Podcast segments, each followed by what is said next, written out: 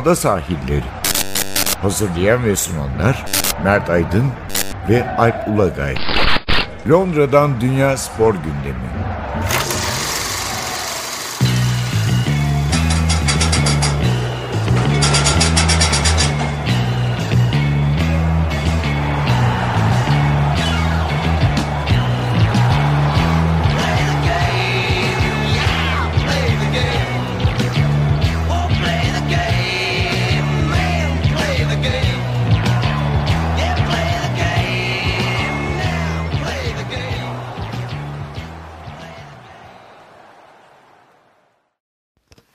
Londra'dan merhabalar. Ben Alp Ulagay. Ben Mert Aydın.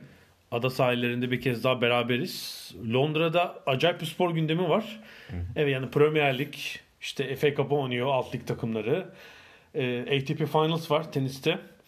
İngiltere milli takımı Avust- Yeni Zelanda ile rugby maçı oynadı. Bir yandan dünya satranç ünvan maçı var. Carlsen ile Caruana arasında. Yani her gün bir şey izleyebilirsiniz Londra'da. Ee, çok yoğun bir spor Valla gündemiyle i- beraberiz. izlemeyenler de spor yapabiliyorlar. evet yani Yürümek, koşmak görüyorsunuz mutlaka. çoluklu çocuklu pusetli falan tabii. evet.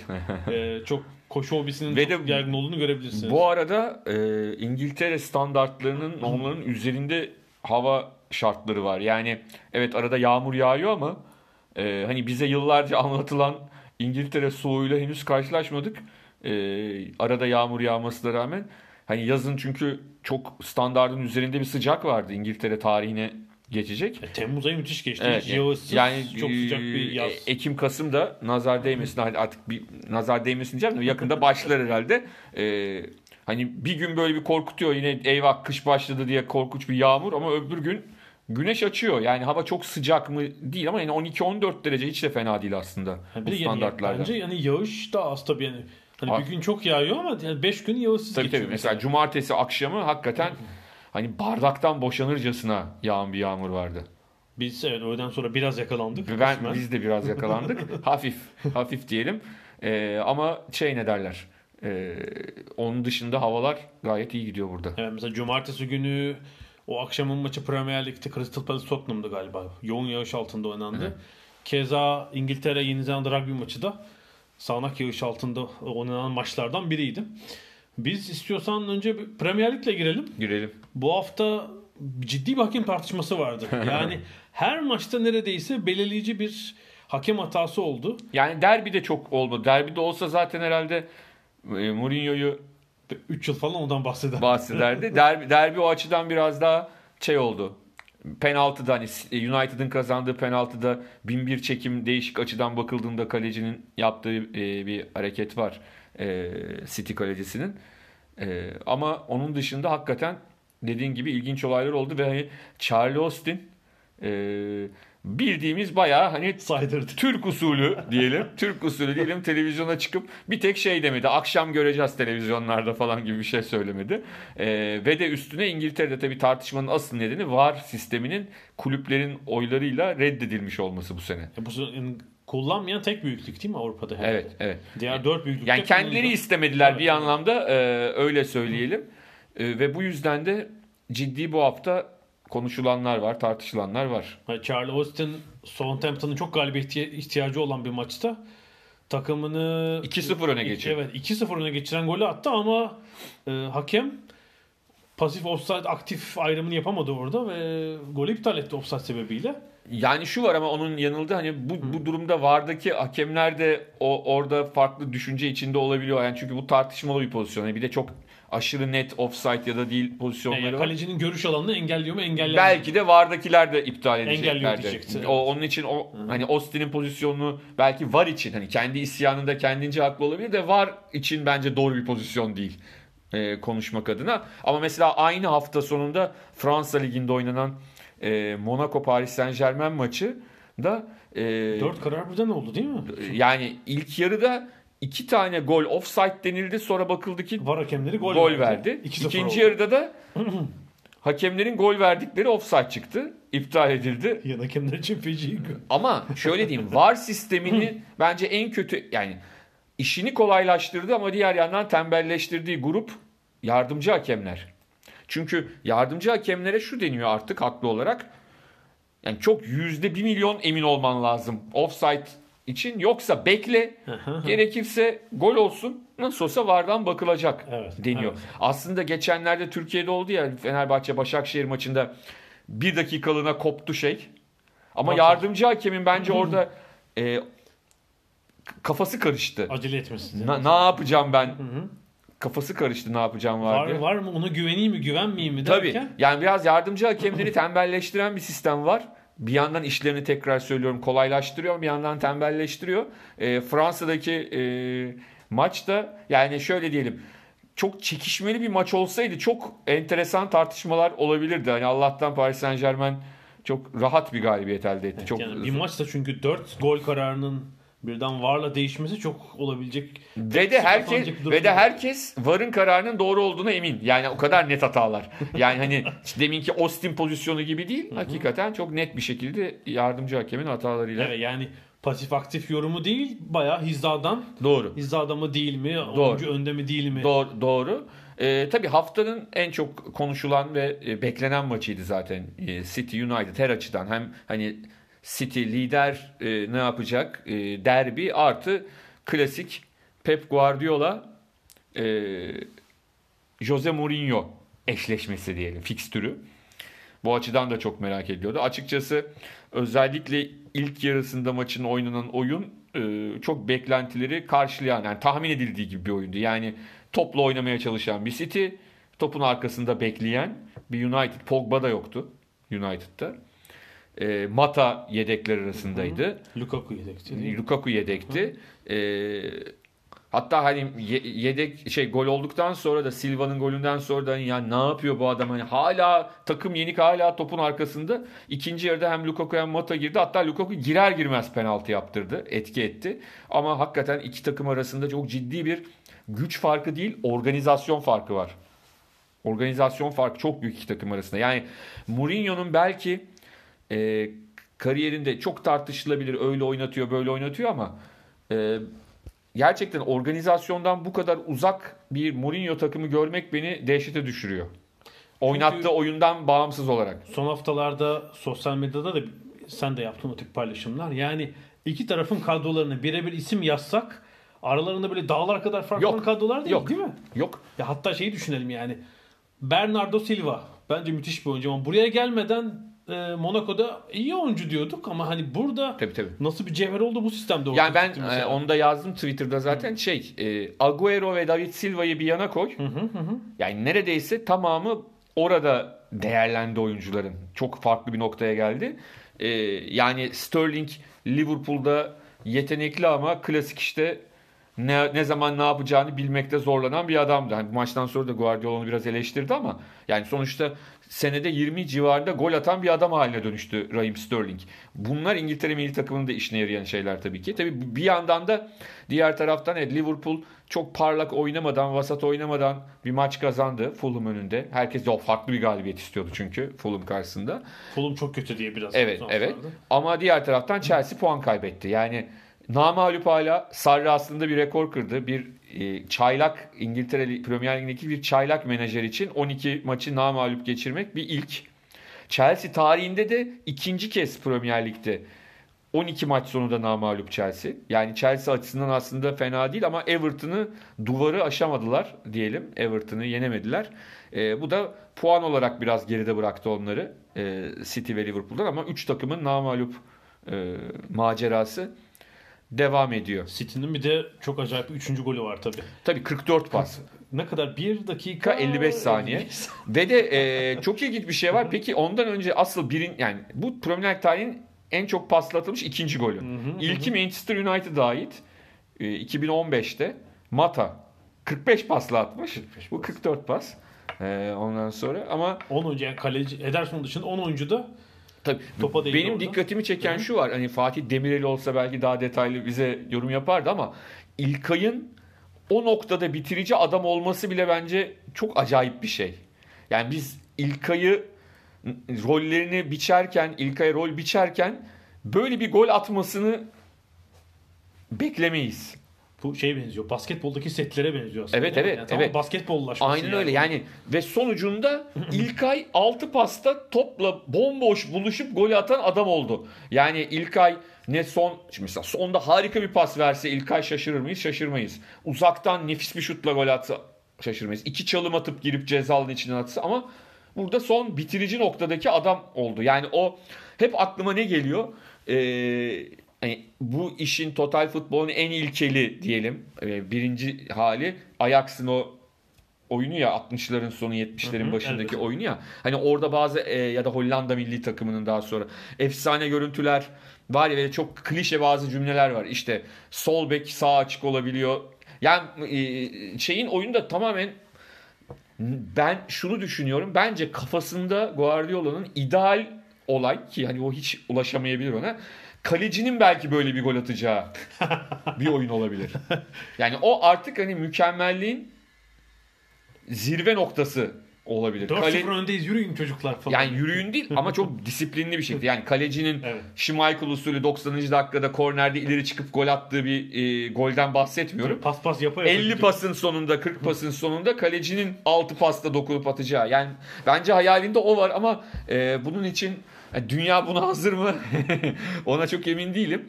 E, olmayabilir bu. Ama ben çok ilginç bir şey daha anlatayım.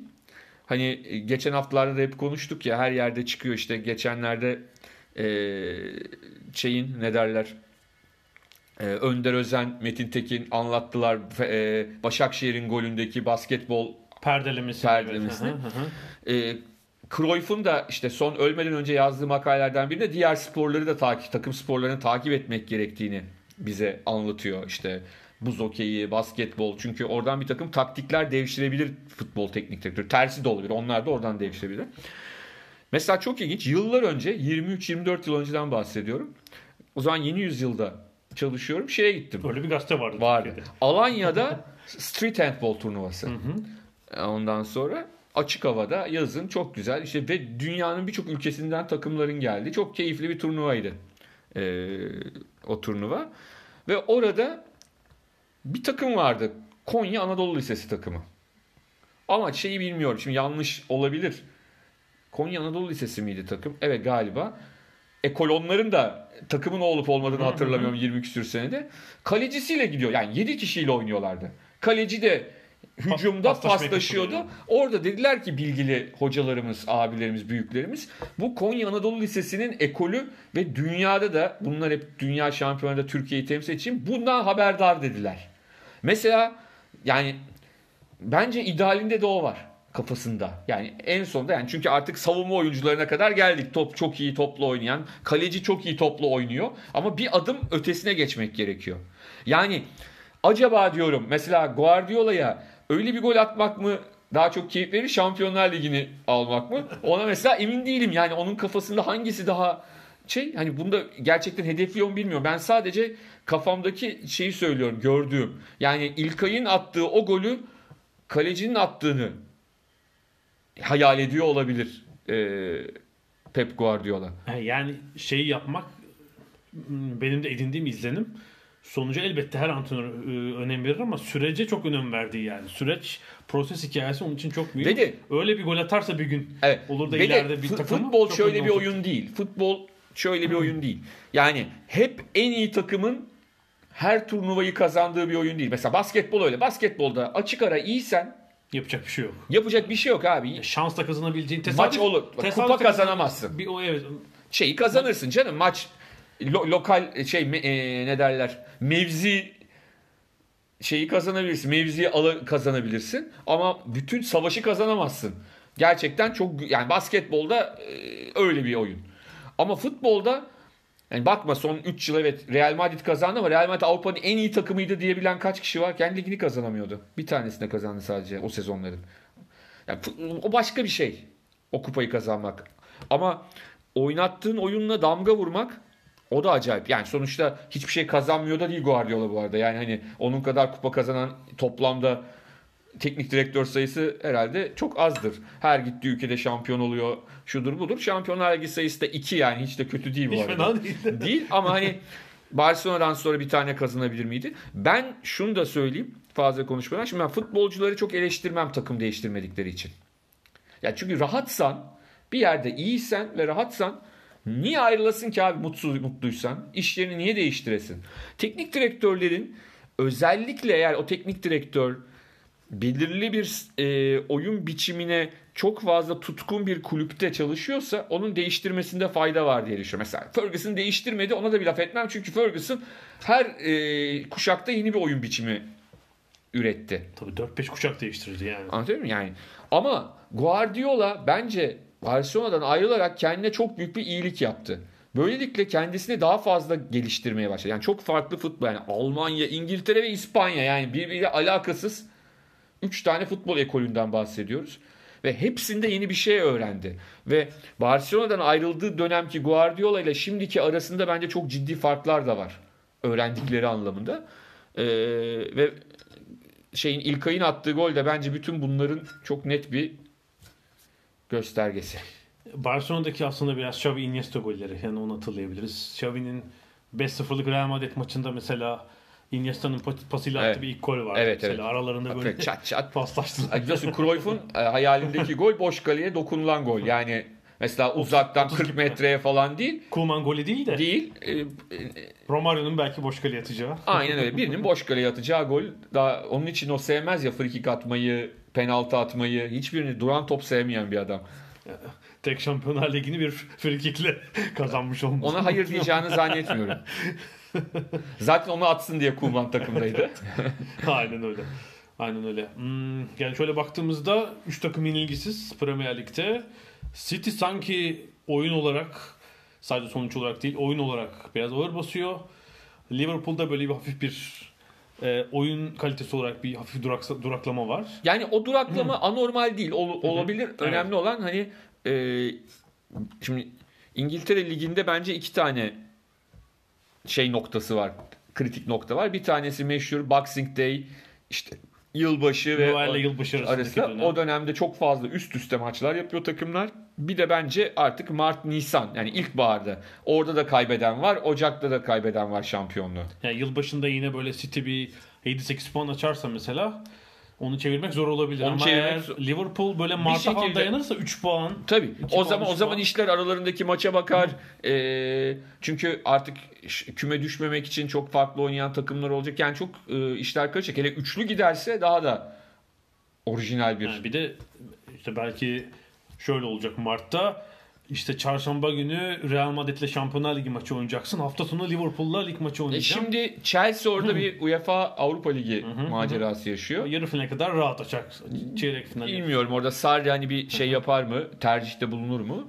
Ee, ama Liverpool'la Manchester City gidebilir de duruma göre. Hani Kızıl Yıldız yenilgisi oldu Liverpool'un belki ama sonuçta belli bir yere kadar gidebilirler.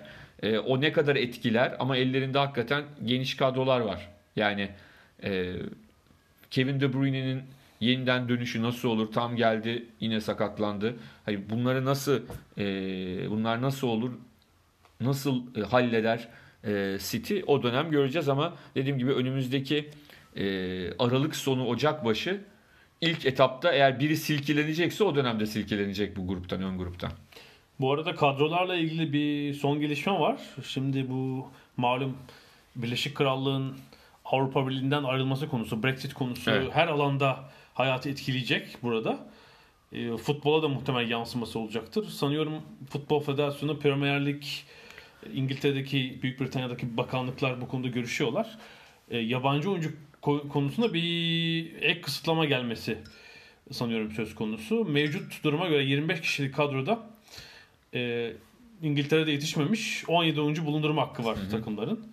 Ama Futbol Federasyonu bunu 12 ind- 12'ye indirme girişiminde bulunuyor. E, 12 demek 5 yabancı oyuncunun yani İngiltere'de yetişmemiş. Yabancı olabilir ama İngiltere'de yetişmişler bunun dışında. 5 yabancı daha az kadroda bulundurmaya oynatma da değil. Şey daha da çoğalacak o olabilir. zaman. Hani artık 7-8 yaşında almaya başlayacaklar. Zaten alıyorlar 13-14 yaşında. O, onlar için çok iyi bir formül yani. Tabii o- ya O- öyle- o- öyle de halledebilirler onlar bir, bir Böyle bir kısmını. kapı açılabilir ama buranın artık e, Premier Lig'in geliştirdiği formata hiç uymayacak bir şey. Çünkü burada bir Tabii. nevi bir futbolun NBA yarattılar burada. Doğru. Süper Lig yani gelir seviyesi öyle, Antrenör olarak öyle, kulüp yönetimi öyle, oyuncular öyle. Siz bir anda tabii 3 yıllık 2 yıl sezonluk galiba bir geçiş süreci olacakmış. Bir anda biz yabancı kısıtlama getirelim edelim derse bir bir kere fiyatlar Önce milli takıma Lucescu'yu getireceksin abi. bir konuşacak anlatacak kısıtlamayı. Southgate gitsin değil mi? Anlatsın. Hayır konuşsun. Ki Southgate tekrar söyleyelim e, birkaç yıl öncesine hatta 7-8 yıl önce ilk olarak İngiltere'de altyapı sorunlarını çözsün diye e, federasyona getirilmiş bir adam. Yani e, şu anda amili takımı çalıştırıyor olması serüveni aslında öyle başladı. Federasyonun içine girme serüveni. O yüzden altyapıdaki sorunları e, hepsini çok net bir şekilde bilen bir adam. Acaba onun e, fikri nasıl istendi bir rapor yazdı mı bununla ilgili olarak? Çünkü uzun yani sadece milli takım hocası olduğu için değil uzun yıllardır e, bu işe kafa yorduğu için. Tabii şu andaki bu yabancı sayısının indirilme hikayesi Brexit'teki Avrupa Birliği vatandaşlarının hukuki durumundan kaynaklanıyor. Tabii Çünkü tabii. Eğer e, İngiltere ayrılırsa AB'den buradaki işte Fransız, İtalyan bütün AB vatandaşları AB vatandaşı olmayanlar gibi muamele görecek. Ya da çalışma izni vesaire. Ya da isterlerse yani çok Hı-hı. isterlerse Hı-hı. eskisi gibi devam ettirebilirler. Onları engelleyecek bir şey yok. Yani ben yine o ülkelerden gelenlerin milli maç sayısına bakmam, sınırıma bakmam deme hakkına sahipler sonuçta. E, herhalde FA ya da Premier Lig der de muhtemelen çalışma yasaları buna müsaade İşte o, onu diyorum yani hani onlar der bence diyebilirler. Çok da büyük bir e, bir de şey çıkıyor ya şimdi ya da çıktı mı bilmiyorum konuşuluyordu. Hani e, vasıflı bir kısım insanın da kalabilmesini sağlamak için bir takım formüller üretiliyor. Premier Lig oyuncusundan vasıflı daha kim? İşte onu diyorum yani.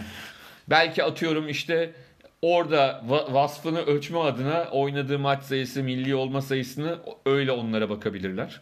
Yani David Silva'yı ya sen İspanyolsun AB vatandaşı seni kısıtlama getiriyorum Artık demez. milli takımda oynamıyor bence gitsin. milli takımı bıraktı. Hadi ülkene falan. falan. Ya da Guardiola'ya artık kusura bakma. Çok çalıştım. Artık İngiliz hocaların gelme zamanı. Biliyorsun bizim ligimizi en iyi biz biliriz. E, şunu atlatalım. Son İngiliz tim Howard Wilkinson. Evet. Bir takımı şampiyon yapan. Ki o da Premier Lig'in hemen öncesi. 92. Son Division 1 şampiyonluğu ve o dönemde yani hakikaten zaten İngilizlerin kendi aralarında oynadıkları bir ligken yani hani gerçekten de tanımak lazım ülkeyi tabii bir deplasmana Ipswich deplasmanına gidince neler yaşayacağın Gerçekten yanında bir tam o şey varmış yani. yani bir yabancı antrenörün çalışması çok kolay değil. Bizim İngiltere Ligi'nde. Çünkü bilmezler ligi yorumları varken. Tabii. Ama şunu söylemek lazım. Sonuçta hani Alex Ferguson İskoç ama yani sonuçta Britanyalı yani hani e, şeyden gelmiyor. Kıta Avrupa'sından gelen bir hoca değil. O biraz orada şeyi Britanya kurtarıyor. kültürünün bir. He, oradan biraz kurtarıyorlar. Ee, o teknik adam meselesini yani sonuçta hani Bazbi Mazbi de İskoç kökenli yani hani geçmişe gidersek de e, Shankly de öyle. E yani babam başka noktalara gideriz yani o yüzden çok onu karıştırmak lazım ama e, dediğin gibi İngiltere Ligi, İngiltere Premier Ligi'nin ayrı bir sınavı olacak bu Brexit meselesi.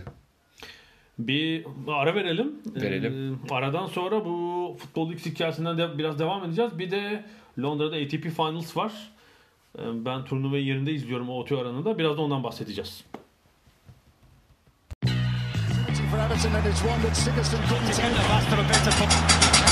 Ada sahilleri. Londra'dan Dünya Spor Gündemi.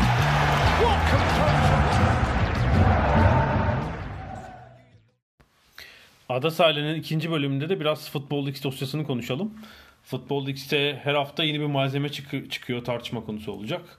Geçen hafta sonuna doğru da işte önce Paris Saint Germain ve e, Manchester City'deki e, fahiş futbolcu ödemelerine dair bir takım dosyalar açıldı. Yine Paris Saint Germain'in genç futbolcuları kadrosuna katarken yaptığı usulsüz fişlemeler konusu Fransa'da bayağı ortalığı evet. karıştırdı. Çünkü muhtemel hapis cezaları falan da olabilir o konuda. E, son olarak da e, ünlü Portekizli e, oyuncu temsilcisi, menajer Jorge Mendes'in üzerinden Beşiktaş'a kadar bulaştı iş. Evet. Yani şunu söylemek gerekiyor. Şimdi burada bu bunlar üzerine soruşturma, araştırma yapması gereken kurumlar zaten burada eleştirilen kurumlar.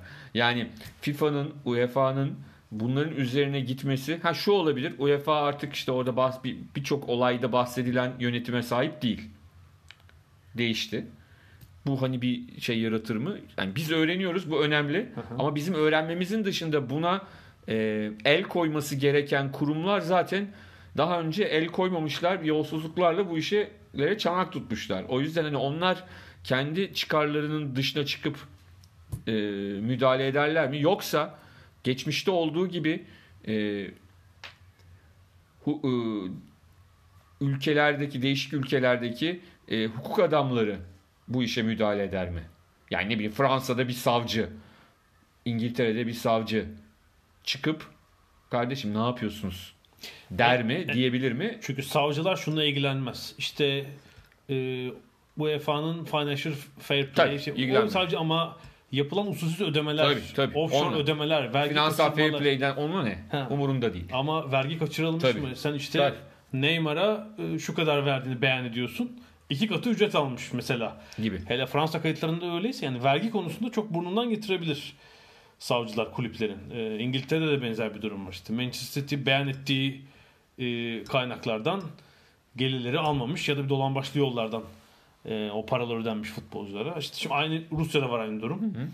E, Gazprom'un işte Zenit sponsorluğu 100 milyon euro.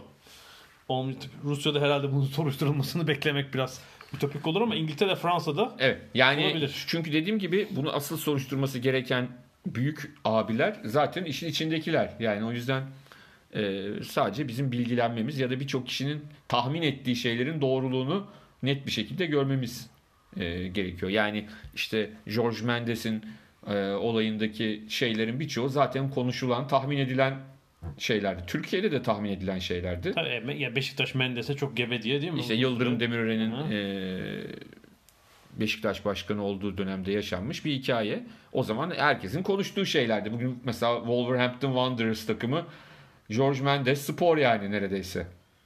Hocasından oyuncularına kadar e, öyle bir takım var yani. bir yani kukla yönetim ve Mendes'in organize ettiği transferler E bir dönem Deportivo hala öyle mi bilmiyorum. Deportivo La Coruña'nın kadrosu hani oraya buraya gönderemediği oyunculardan oluşuyordu. Yani Beşiktaş'taki sorun zaten aynı sezon değil mi? 7-8 tabii Portekizli Brezilyalı oyuncu birden Beşiktaş'a gelince. Yani işte özellikle Julio Alves mesela Bruno Alves'in kardeşi niye geldi, nasıl gitti? Yani bütün aklı başında ve olayları takip eden insanlar bu konuyu sorguladılar o dönemde hatırlarsan. Ee, Evet, zaten Futbol League'te Beşiktaş'la ilgili bölümde bu transferlerin yapıldığı biliniyordu. Ödemelerin ne şekilde yapıldığı Tabii, tabii. üzerine. ama bir zaten oradaki var. Mendes şeyi orada vur. Yani Beşiktaş'tan bahsetmiyor aslında şöyle diyeyim ya da Beşiktaş özelinde bir şey yazılmıyor Futbol League'de. Mendes'in yaptıkları kırdığı fındıklar diyelim anlatılırken onun içinde Beşiktaş da var. Yani zaten e, Futbol League'in her ülkedeki yayıncı ortağı kendi ülkesinin işte takımına, kulübüne yakın konuyu alıp Tabii. biraz orayı karıştırmaya başlıyor. Fransa'da mesela Mediapart bir bağımsız haber sitesidir. Onlar şeye çok takıldılar. Paris Saint Germain'in işte 14-15 yaşında e, Paris dışından aldığı oyuncularda e, bir fişleme yapılması. Yani oyuncular kategorize ediliyor. Fransız, bu muhtemelen beyaz Fransız demek. İşte Antilli yani Karayipler'den gelenler. Afrikalı, siyah Afrikalı ve Mağripli diye dörde ayırmışlar oyuncuları. E, bunu böyle herhangi bir işte Fransa'da futbolla alakalı değil. Bunu yapmanın e, cezası 5 yıl hapis cezası var. E, 500 bin euroya varan da para cezası. Bunu ancak mesela. şöyle yaparsın. Yani normal bir CV olur. Ne asıllı diye kendi kendine çocuk yazmışsa bir anlam ifade yani suç olması herhalde ama siz onu öyle gruplar haline alırsanız Tabii herhangi bir şeyde tabii. bu etnik ya da ırk bilgisi sormak Tabii e, kendisi mesela söylerse bir anlam ifade yani bir sorun olmaz herhalde. Yani ben şurada asıllıyım ya da bir röportajda ya sizin aile nereden gelmiş diye sormanın bence bir sakıncası olmayabilir hikayeyi anlatma açısından ama bu tabii ki fişlemeye giriyor. Paris Saint Germain ne olacak gibi sanki o e, altyapı oyuncu bulma sisteminin başındaki Mark Westerlaff var. Onun başına patlayacak gibi iş. Halbuki bu üst düzeyden birisinin emri olmadan böyle yapılabilecek bir şey değilmiş gibi duruyor açıkçası. Evet, evet. Çok ilginç ve Westerlaff'a da şey diyorlar işte Drogba'yı bulan kişi bu arada. Drogba'yı keşfeden hani kişisel olarak hiç ırkçı değil. Böyle eylemleri asla yok. Mbappe'nin annesi bile savundu adamı ama kabak onun başına patlayacak gibi gözüküyor. Saint Germain'in üst yönetimi herhalde işin içinden sıyrılır gibi geliyor bu konuda. Ee, yani şeyi merak ediyorum tabii. Bu dosyalar açılmaya devam edecek belli ki. 70 milyon belge söz konusuydu. Evet. Her hafta bir şey Tabii yani bu göreceğiz. e, futbol ligsinin özelliği e, belgelerle yapıyorlar. Yani hani çamur it, çamur at izi kalsın gibi bir şey yok. Hani sonuçta size direkt belgeyi evet. genelde İşte yazışmalar, banka Tabii tabii yani o önemli en önemli kısmı o. Yani şöyle de yap- yapanlar oluyor çünkü. Yani daha doğrusu elde belge olmadığında siz konuşuyorsunuz ama bunu kanıtlamanız için E şimdi bu Saint Germain olayında mesela şöyle Saint Germain de ırkçıymış. Bir şey yok ama fiş, fişleme dosyalarını gösterdiğiniz zaman ortalık biraz karışabiliyor. Ee, yani şunu ilginç buluyorum. Bütün bu olaylardan sonra diyelim ki belki bir, birkaç haftada birkaç ay gidecek.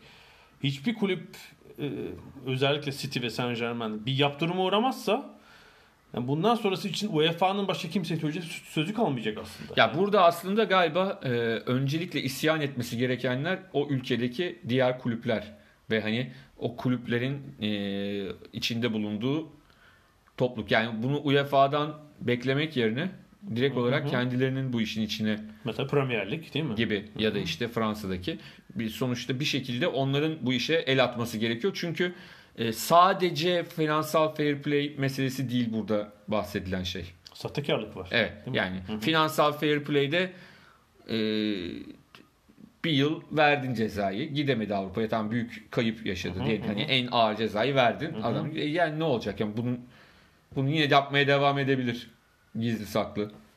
Öyle söyleyelim ama ülkenin kendi içinde o yanıtı vermesi lazım. Diğer kulüplerin hatta federasyondan bahsetmiyorum. Diğer kulüplerin buna vermesi lazım. Yani o kulüp diğer kulüplerle birlikte ligi yönetiyor aslında. Tabii. Ligin diğer üyelerinin tepki gösterip Yani asıl mesele orada. Yoksa e, bazen hani federasyon diğerlerinin bu işe içinde olması gerekiyor. bir ilginç tepki geldi. Bu bana bir sinyal. İngiltere'de kim tepki gösterdi kulüplerden benim duyduğum kadarıyla? Liverpool'un sahiplerinden John Henry. Şimdi Amerikalılar bu Avrupa'daki bu spordaki bu mantığı e, belki hiç anlayamıyor olabilirler. Çünkü daha önce de konuştuk. Amerika'da spor sistemi gelirlerin eşit paylaşımı üzerine dayalı. Amerika- Sosyalist hatta Evet, çok ilginç. Evet. Yani Amerikan futbolunda böyle NBA'de böyle beyzbolda biraz bozuktur. Ve işte maaş tavanı var. Merchandising gelirleri bile eşit paylaşılıyor. Düşün yani. Siz New York takımısınız. Karşınızda çok ufak bir şehrin takımı olabilir. 10 kat ürün satılıyor olabilir. New York işte e, Knicks şeyli, e, amblemli. Ama gelirler eşit paylaşılıyor. Amerikan futbolunda da böyle. E, ve takım sahipleri de bu işten para kazanıyorlar bu kurulan sistemde. Şimdi Avrupa'da takım olan birkaç bazı Amerikalı kulüp sahipleri var. Kim var? Arsenal'ın sahibi Amerikalı. Liverpool'un öyle. United'ın. Ee, United'inkiler öyle. Bol bol para kazandılar. Ee, Marsilya'nın bir Amerikalı sahibi var e, bir süredir. Ancak yani bu şekilde bu devam ettiği sürece bu Avrupa'daki garip yapı ben mesela Amerikalıların bu işten çıkacağını düşünüyorum. Yani kulüplerini satarlar Amerikalılar, tutmazlar. Büyük bir tutkuları yoksa bu işte ki Amerikalılar hani niye Marsilya'ya tutku duysun be adam çok akla gelecek Özel bir şey hikayesi olması Ha, lazım. evet ancak yani o olması şehirle bir için. bağı hani bir göçmenlik falan olması lazım. Ee, yani devam etmezler bu işte French kalmazlar. Connection filmini çok seviyor olabilirler belki.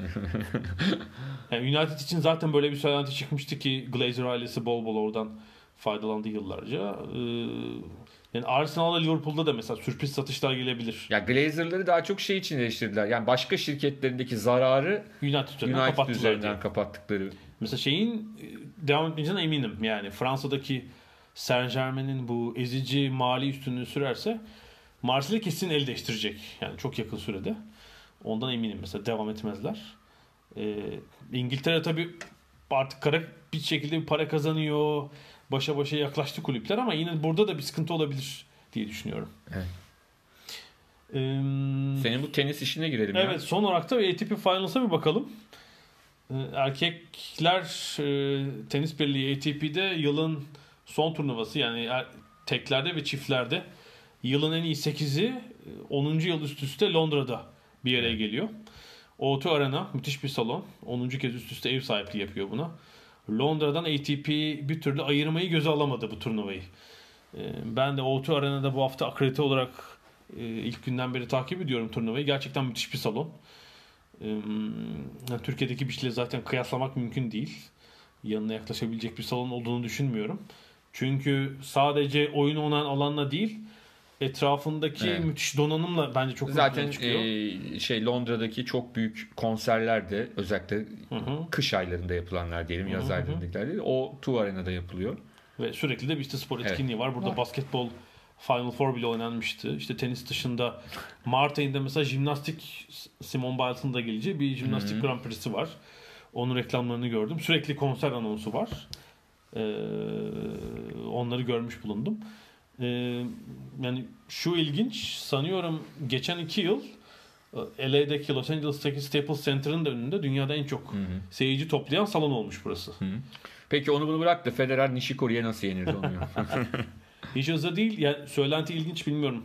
Program yayınlandı öyle olur mu? Federer'in turnuvadan çekileceği e, söylentisi dolaşıyordu. İlk maçta iyi sonuç alamadı ve böyle kazanamayacağını görünce e, biraz bile sattırıp belki de ikinci maçtan sonra turnuvadan çekilir mi sorusu e, dolaşıyordu kulislerde. Hmm, ya da çekil çekilmesin diye bu e, dedikoduları çıkarıyorlar. Hani varsa da aklında evet. çıkarsın aklından. Sakın düşünme. Şöyle turnuvanın ilk maçlarının oynandığı pazar akşamı hakikaten görmüş buldum. Federer etkisini tabii pazar günüydü. Hafta sonu akşam seansında oynadı Federer. Ee, Öğlenden sonra seansta Ben de biraz televizyonda vardı. bir parça seyrettim tamamını Evet. olmasa da. inanılmaz bir yani şey görebiliyorsunuz onun yarattığı etkiyi. Ee, dördüncü kattaki basın tribününde oturuyorum ben. Yani zeminden oraya çıktıktan sonra koltuklara ulaşmakta çok zorluk çıktım. Bütün şeyler e, yiyecek büfeleri, tuvaletler inanılmaz kuyruk. Herkes yerine koşturuyor. Zor ulaştım yani yerime Federer maçı için. Ee, çok acayip bir hava yarattığını söylemem lazım ve ATP Finals'ta sanıyorum 17.500'lük kapasite kullanılıyor burada. 17.450 yani 50 kişilik herhalde boşluk varmış pazar günü. Onlar da beleşçiler. Hani bizde şey var ya şu kadar da beleşçi vardır maçta falan Ya. klasik vardır. Tabii abi şeyden McDonald's'ın oradan girmişler. Yok işte davetiyeleri oradan buradan işte şeye girmemiş. Kayıt dışı. Davetiye dağıtmışlar. Pe- Böyle bir turnuva için pek dağıtıldığını zannetmiyorum. Yok canım şaka yapıyorum. Evet. e, sadece tenis yazarlarının bazılarına tabii Nadal burada değil diye bir küçük hayal kırıklığı olduğunu söylemek lazım. Muhtemelen 3 büyük şampiyonu yani tenisin geçen 15 yıl demek lazım herhalde. 10 da değil. Evet. 15 sezona damga vuran 3 ismi bir arada görmek istiyorlardı. Çünkü önceki yıl Federer yoktu. Geçen yıl Djokovic yoktu. Bu yılda Nadal yok. Sakatlığı sebebiyle. Djokovic ödül aldı. Yılın Evet yılın tenisçisi seçildi. Seçildi. Zaten bu turnuvanın sonucuna bağlı olmaksızın 2018'i bir numarada kapatacak. Yani herhalde geri döndü. e, yılın başında hiç beklemediği bir yerde. Şey gibiler e, üçü. Yani turnike yapıyorlar. Bir o geliyor bir oluyor. Yeniden dönüyor bir oluyor. Sonra öbürü yeniden ge- geri dönüyor o bir oluyor. Sonra öbürü oluyor ve bir döngü devam Yani ediyor. 30'lu yaşlarındalar. Federer 37. Nadal 32. Djokovic 31 yaşında. Daha Nadal'la Djokovic genç. Federer'e göre. Yani tenis tarihinde hiç rastlanmadık bir durum. Yani 20'li yaşlardaki tenisçiler işte Grand Slam hiç kazanamıyorlar. Aradaki Masters serisinden turnuvaları alırlarsa ne hala işte e, Paris'te e, Rus Haçanov bir turnuva kazandı. Ee, Hayır Del Potro falan da yaşlandı. Hani onlar tabii da tabii Murray, Del Potro işte Çiliç var 30 yaşında. Yani basın toplantısında onu sordum zaten. Yani artık sen en tecrübelilerden birisin. Değil mi? Hani 3 numara da oldun bir ara bu yıl. Hani daha yukarıyı düşünmen gerekmiyor mu? işte yeni yeni yıla dedi bir yeni motivasyona girebilirim. Yani artık e, ne zaman Basi Federer ne kadar oynar daha? E, şey soruları var Federer içinde. Jimmy Connors'ın turnuva kazanma rekorunu kırar mı? Ya şimdi Federer biraz o şeye standby'a da almış durumda. İstediği turnuvaya Tabii, katılıyor. 9 istediği- turnuvaya katılmış. Yani o yüzden o bir şekilde daha bir süre daha devam edecek belli. Şöyle çünkü ATP ile anlaşma imzalıyor oyuncular. Normalde işte bütün Grand Slam'e katılacaksınız. 9 tane Masters turnuvasına katılacaksınız. Arada işte 2 tane de 500'lük turnuva eklemeniz lazım ama eğer e, 12 yıl oynadıysanız ya da 31 yaşın üzerindeyseniz takvimi kendiniz kendiniz belirleyebiliyorsunuz. Yani hepsi bu durumda zaten. Nadal, Djokovic, Federer. Federer ne yapıyor? Toprak kort sezonunu bypass ediyor. E, Nadal toprak kortta 4 turnuva kazanıyor. Sonra Amerika açıkta bir sızlanmaya başlıyor. O da yok. Yani yılı bölüşmüş durumdalar neredeyse. Ee, ve kendilerine tabii çok iyi bakan şeyler. e, tenisçiler. Antrenman planlarını, yıllık takvimlemeyi çok iyi yapan isimler. e, planlamayı. Yani birkaç yıl daha gidebilirler. Yani Federer tabii 37 artık. Nereye kadar oynayabilir kestiremiyorum. Ya çocukları bekliyor ya bir an evvel Onlar yetişsinler mı? öyle. Çıkayım ben diyor. Yani şu vardı işte Connors'ın 30 107 turnuvalık rekorunu kırabilir mi? Şu an 99'da işte iki tane dörtlük sezon oynaması lazım. Ya şöyle 106 iken falan İstanbul'a yeniden getirtip o rekoru İstanbul'da kırdırtmakta fayda var. Bu sene yaptı işte Rotterdam'a gitti bir numara olmak için. Kazandı orada turnuvayı. Bu arada galiba açıktan 1 değil 2 milyon dolar istemiş. Turnuvaya katılmak için. Bu yani şey turnuvalara katılmak için Master serisi dışındaki açıktan para İstanbul'a gelirken de almıştı Federer. Ee, Ama tabii o zaman döviz kurlarıyla şimdiki arasında Evet, fark şimdi var. Federer tarifi herhalde daha da yükseltmiş durumda. Orada anladığım kadarıyla. Bu arada Nadal'la Djokovic'in Suudi Arabistan'da yapmayı planladıkları gösteri maçı da iptal oldu. Ee, Geçen cuma ATP Finals'ın basın toplantıları vardı. Djokovic'e bir soru soruldu. Çok kısa bir şekilde Nadal'ın sakatlığı sebebiyle iptal oldu dedi. Hiç başka bir yorum Halbuki getirmedi. İstanbul'da yaşanan bir şeylerden dolayı olmuştu değil mi? Yani öyle bir yanıt verdiken bana hani başka bir şey sormayın diye dercesine. Hmm, orada işi bitirdi. E, ATP Finals'ın e, grup maçları devam ediyor. E, gruplarda ilk ikiye girenler cumartesi yarı final oynayacak. Pazar günü de final maçı var. Yani benim e, izlediğim 8 tenisçi arasında Djokovic e, çok formda gözüküyor. Bir de Zverev tabii Djokovic Evet. de aynı grupta. Zverev de çok iyiydi Çiliç karşısında. Kevin Anderson da fena değil. Yani Djokovic'in normalde bir sakatlık olmazsa herhalde burada kazanması lazım. Bekleniyor. Öyle gözüküyor. 6. kez alıp Federer'in rekorunu egal edecek. Evet. E zaten gelecek hafta yine ne oldu ne bitti onu konuşuruz. Artı e, tabii hafta sonu ligler yok. Aa, milli takımların maçları Eyvah var. yine mi milli takım arası? Milli takım arası var. E, gelecek hafta biraz onlardan bahsederiz. Bakarsın Futbol Leagues'ten yeni yeni sızan bir takım bilgiler olur. Onları konuşuruz. Tabii yani spor dünyası çok acayip. Hiç aklımıza gelmeyen bir takım şeyler de yaşanabilir. Onları da konuşuruz. E, bugünlük bu kadar. Bu haftalık bu kadar diyelim. Evet haftaya görüşmek üzere. Ada sahillerinden e, haftalar.